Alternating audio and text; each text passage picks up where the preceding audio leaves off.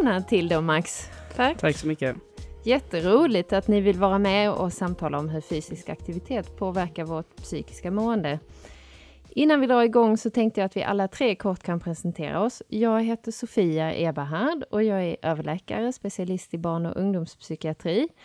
Och jag jobbar med att både behandla men också försöka förebygga psykisk ohälsa och psykiatrisk sjukdom hos just barn och unga. Så jag ser jättemycket fram emot att få samtala med er idag. Och om jag börjar med dig Tilde, vem är du? Mm. Eh, jag heter Tilde och jag går i trean på en gymnasieskola i Lund. Och tränar du någonting idag? Eh, ja, jag går inte på någon så sport eller aktivitet direkt, utan jag tränar mer eh, genom att gå ut och springa, jag tränar mycket hemma, lite den typen. Mm. Spännande. Mm. Och Max, vem är du?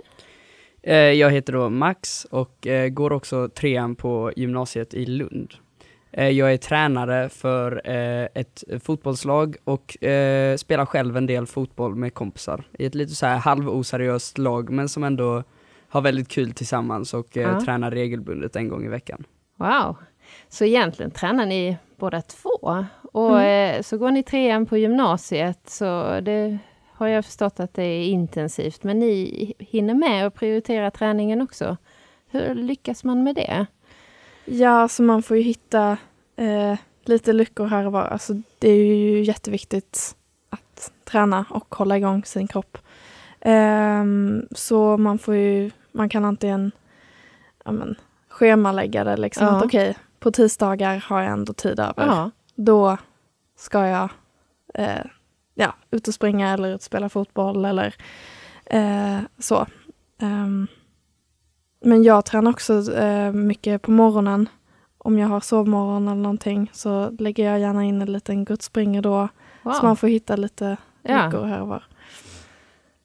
Jag kan också uppleva att det kan vara väldigt bra att eh, delvis planera in regelbundet, men också ha väldigt mycket öppningar för eh, att träna om det skulle bli liksom ett tillfälle. Ja. Jag har en del gånger då jag tränar regelbundet då med till exempel fotbollslag mm. en gång i veckan. Och sen brukar jag också försöka gymma lite då, men då har jag det väldigt öppet så att mm. jag gör det helt enkelt när jag kan mm. och när jag har tid. Kan ett sånt tillfälle också bero på lite om det är någon annan som man kanske trivs med som också ska iväg och som man kan göra det tillsammans med? Hur, hur är det för er? Ja, absolut. Det är ju jätteskoj att eh, kunna blanda fysisk aktivitet med Ja. men att kunna vara med kompisar eh, och så. Mm. mm. Mycket Sam. av det man gör nu känns som på gymnasiet är ju väldigt mycket socialt och mm. väldigt mycket att hänga med kompisar, så det är kul när eh, man kan få i, ihop det sociala liksom mm. och samtidigt också eh, hänga med kompisar och träna liksom. Då skulle jag vilja fråga, har ni märkt att ni mår bättre eller känner er mindre stressade eller kanske starkare när ni är, håller igång med träningen? Ja, det skulle jag definitivt säga. Jag har haft väldigt många eh, delar i mitt liv liksom när jag har tränat mindre och när jag har tränat mer. Eh, och jag skulle definitivt säga att jag har märkt en kontrast i liksom allt annat jag gör. Eh, när jag tränar och när jag tränar mindre och när jag tränar mer. Eh, och att allting blir helt enkelt mycket lättare, både skolan och skolarbete, men också hänga med kompisar och man får liksom lite mer energi. Mm.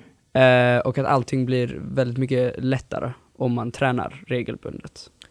Ja, jag känner detsamma som Max. Jag ser tydligt, ett tydligt samband mellan när jag eh, ja, men, mår bra och inte mår bra och när jag tränar och inte tränar. Eh, de gångerna, eller de stunderna då jag tränar mer än vad jag har gjort annars eh, så tenderar jag att må mycket bättre och jag klarar av skolan bättre. Jag orkar att hänga mer med kompisar och man har, som Max sa, eh, mycket mer energi mm. att lägga på annat.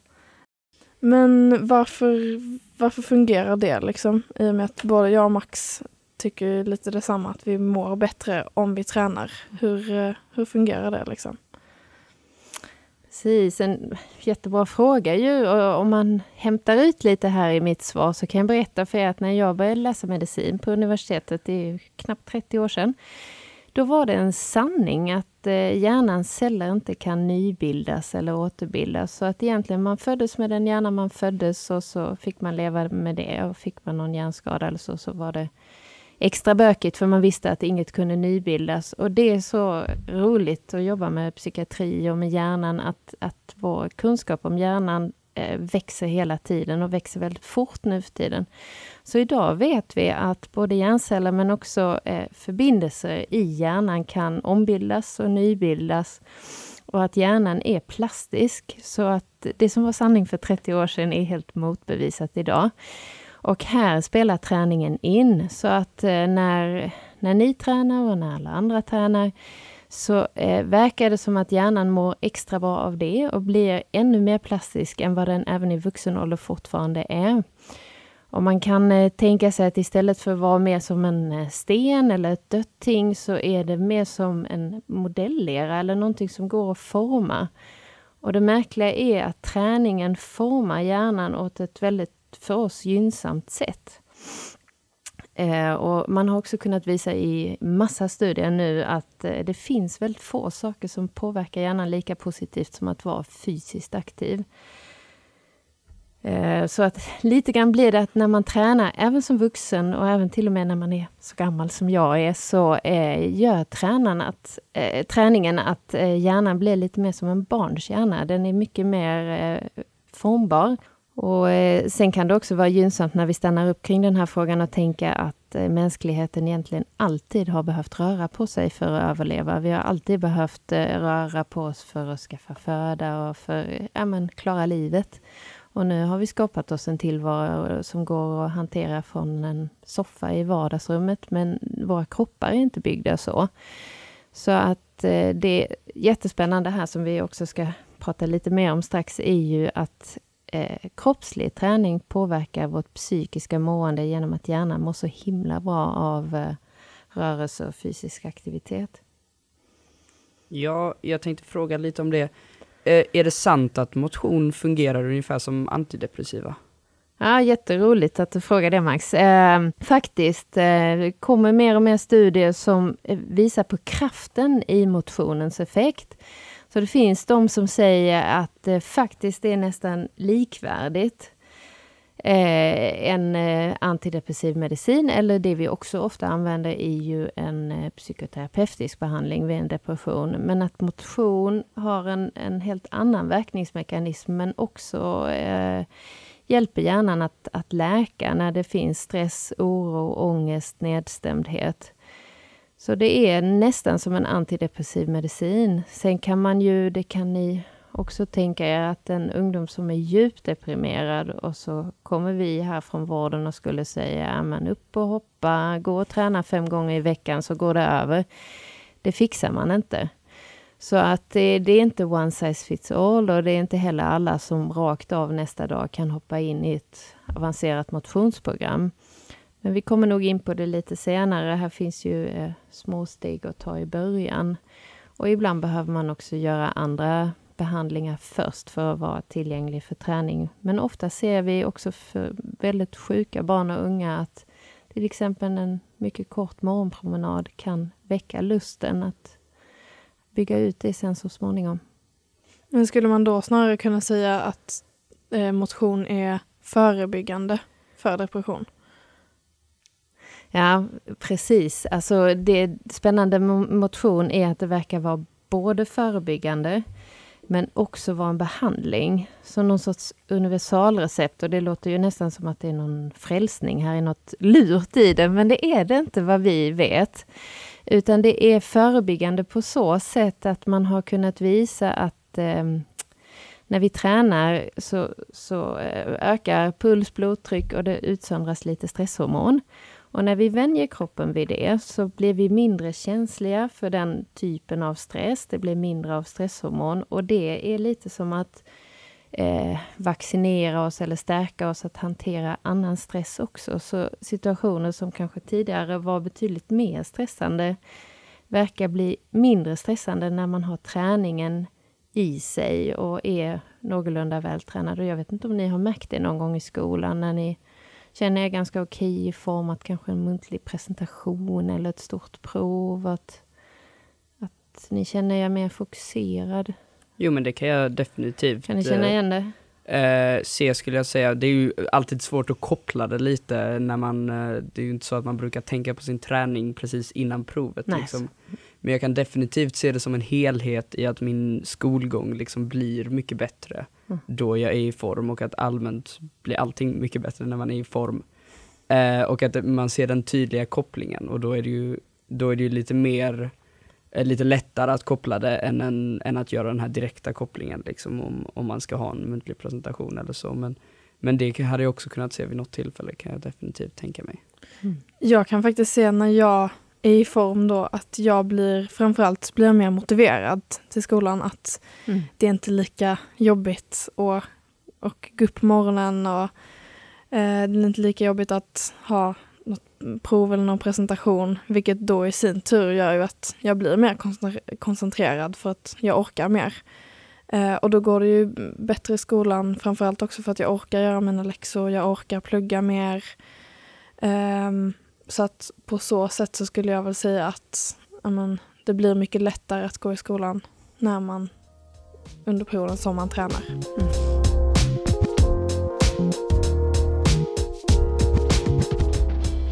Nu måste jag bara fråga, för nu sitter jag med er två som... Ja, ni har upptäckt det sambandet och använder det ju också. Ni är aktiva och tränar och tycker att det underlättar i skolan. Jag misstänker att ni säkert umgås med ungdomar som, som inte tränar. Eh, om ni skulle tipsa en kompis eller kanske till och med säga att en kompis är inne i en svacka. Vad, vad skulle ni vilja säga till den kompisen som inte kanske riktigt känner att man alls hittar energi för att träna och kanske det kan vara jobbigt att vara på gymmet eller vara i någon... Alltså jag skulle väl nästan säga att man behöver inte, om man känner att man, att man är inne i en svacka där man tycker att det är jobbigt och tråkigt att träna. Mm. Man behöver inte jobb, börja liksom rakt på det och ta liksom Mm. och vara flera timmar på gym och jada jada jada. Utan du kan ju börja liksom att gå ut och ta någon promenad.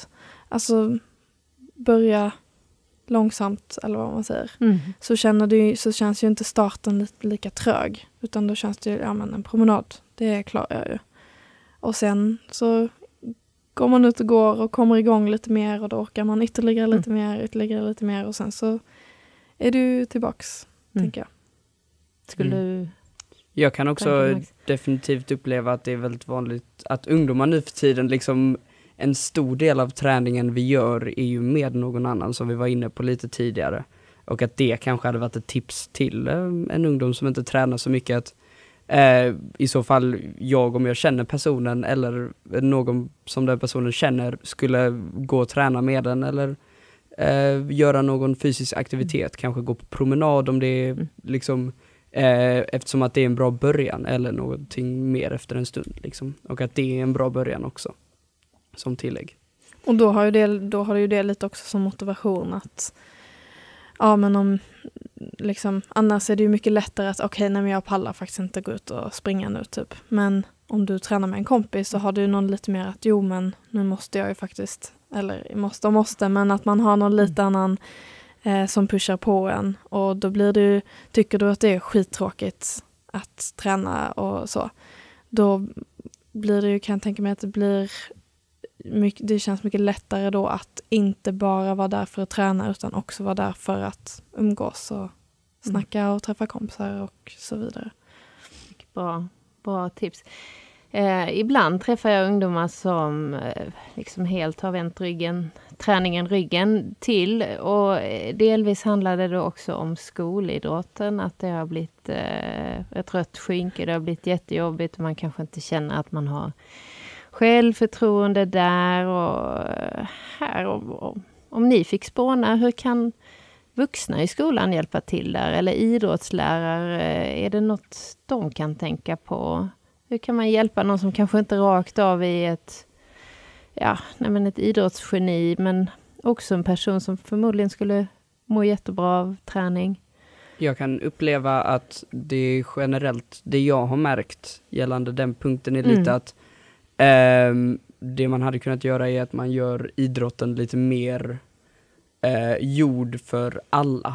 i klassen. Att generellt kan jag märka att idrotten är fokuserad lite på de som är bäst så att de ska kunna utvecklas, vilket som är väldigt positivt, men att man då inte ska glömma de som är eh, de som hamnar lite längre bak i fysisk aktivitet och de som inte är, har lika mycket naturlig begåvning för fysisk aktivitet.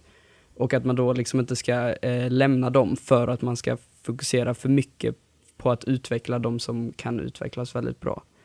För mig tänker jag alltid att skolidrotten inte ska vara en plats där man fokuserar jättemycket på utveckling utan mer där man får alla att eh, få en god smak av träningen. Och det är en uppfattning som jag tror att många ungdomar nu för tiden har, att liksom om man är väldigt intresserad av sport, då är det ju generellt så att man tränar utanför skolan och det är lite där den där anpassade träningen är.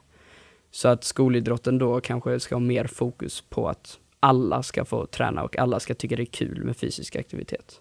Tycker ni att ni har träffat idrottslärare som kan ha den hållningen lite, eller är det något som man kanske kan utveckla?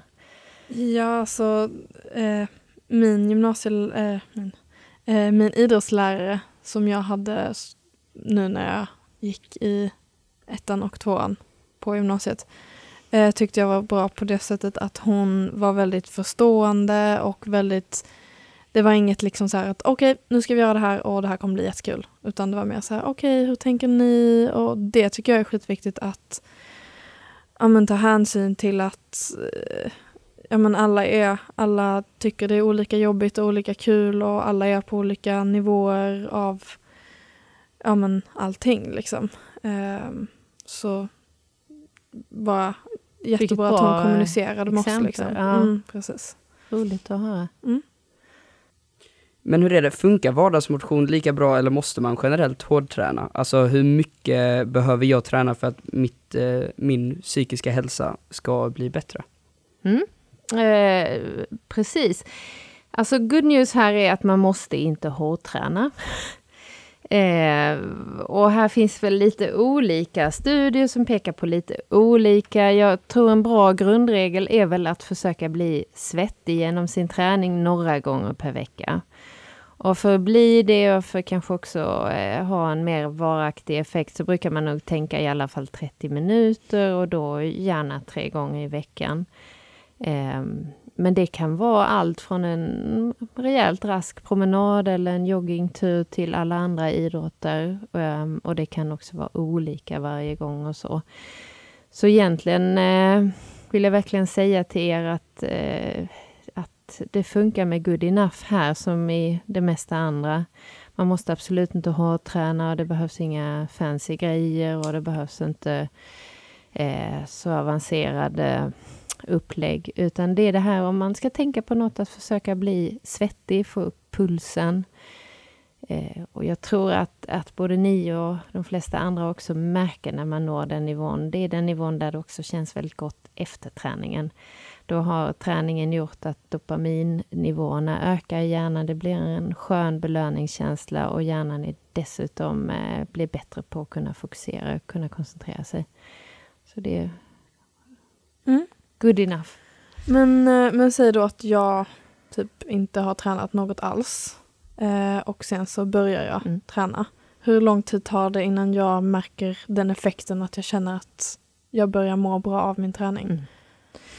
Alltså, även här är det så att vissa effekter syns väldigt tidigt. Eh, och inte minst också på konditionen kan det ju vara efter några gånger så märker man att det, att det går lättare och man kan ta i lite mer. Och även hjärnan har då fått eh, den här liksom, eh, träningseffekten några gånger. Så, så det är bra egentligen redan från början. Men sen har eh, forskningen kunnat visa att ja, att det finns ett värde i att hålla i. Och det är nog så att det är, vi säger ibland dos-responskurva, alltså ju, ju längre man tränar, ju mer uttalade är effekterna.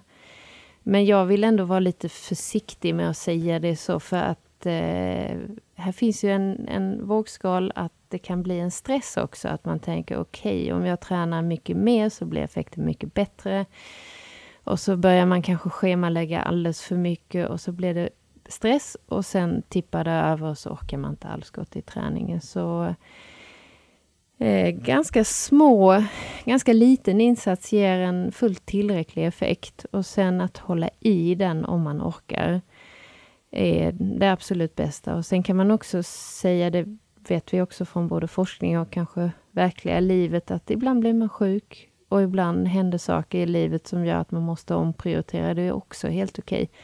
Det är spännande att de effekterna sitter i, även om man nu behöver ta en paus en vecka eller eh, ja, hur länge nu den pausen måste vara. Livet kan komma emellan också. Men att försöka hålla en någon sorts miniminivå att, att röra sig, eh, vara fysiskt aktiv är eh, ger mycket tillbaka. Mm. Men hur länge ungefär skulle du säga att det här håller i sig då? Det här med att må bra? Eh, du tänker om, om, om ja, du nu skulle sluta träna idag ja, så skulle du kanske Ja, alltså det är nog lite färskvara också. Också det här med den mentala styrkan och att, att det blir någon sorts, eh, inte vaccination mot stress, men ett bra sätt att hantera stress. Att det kommer bläckna bort. Eh, och skulle ni båda nu helt lägga av och träna så kanske om några månader att andra saker också skulle vara lite trögare och att hitta energin och, och liksom komma igång med de andra sakerna ni håller på med. Eh, men, men som allt annat en balansgång mellan att inte stressa sig för mycket kring det här.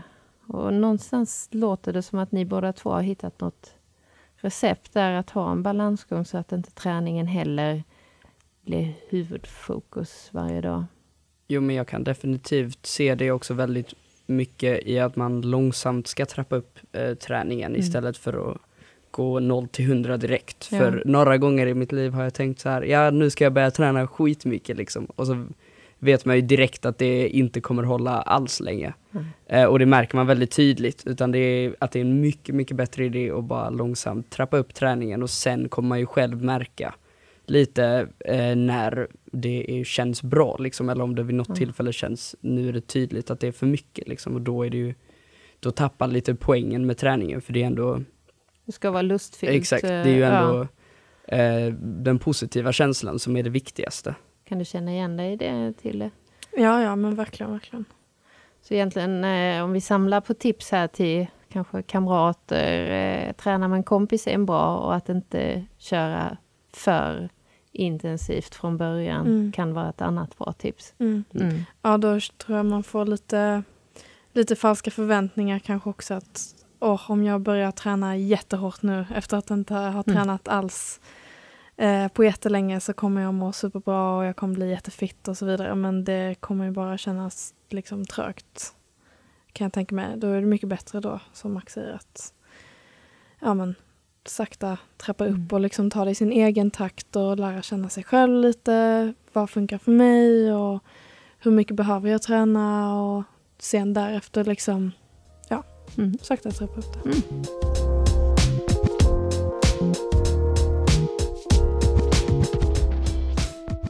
Ja, men vi har ju redan diskuterat detta lite, men jag tänkte om du har några fler tips på, alltså om man mår väldigt dåligt, i till exempel depression och eh, om, man har, om du har några råd till eh, ungdomar och några tips för de som mår dåligt och mm. liksom inte orkar träna och inte mm. orkar ta det steget.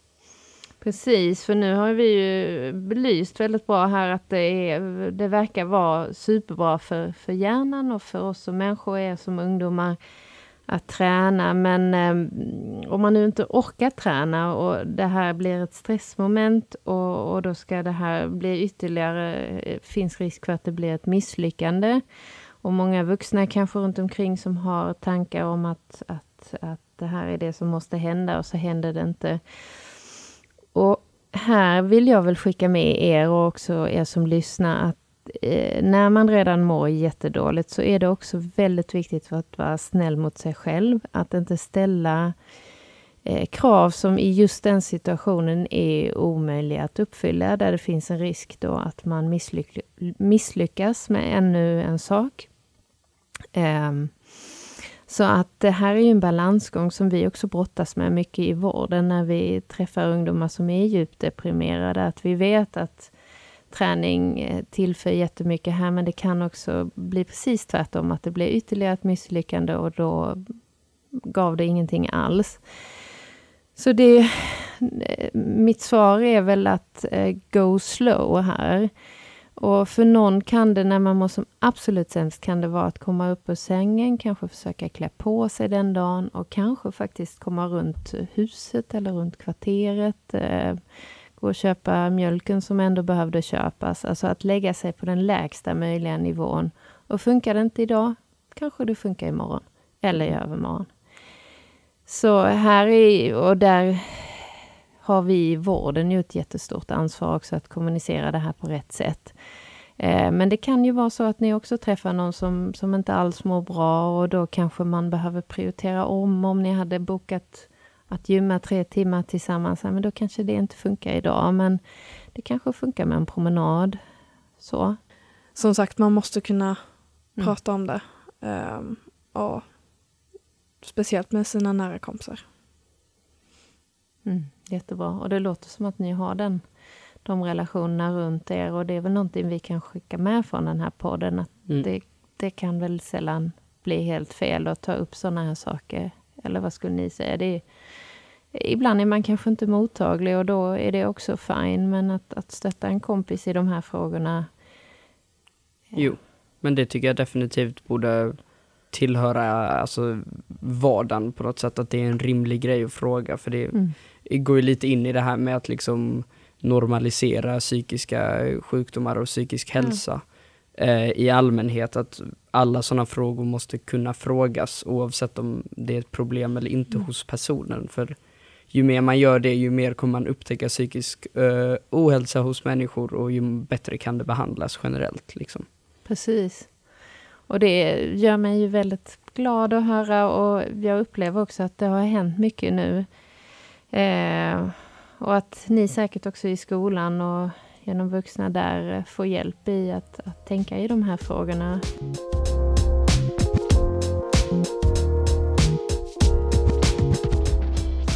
Nu har jag en eh, fråga till er också, eh, från en vuxen. Ni är också vuxna, men eh, en äldre vuxen.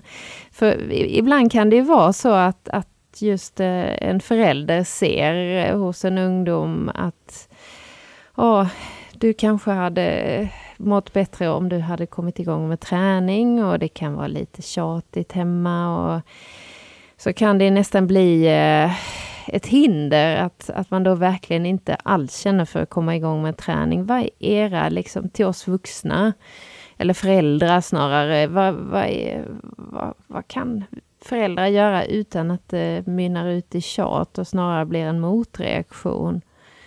Jag tycker att det är mycket på något sätt att man stöttar fram träningen och ger nya, nya förslag beroende på liksom vad barnet verkar sugen på. Mm.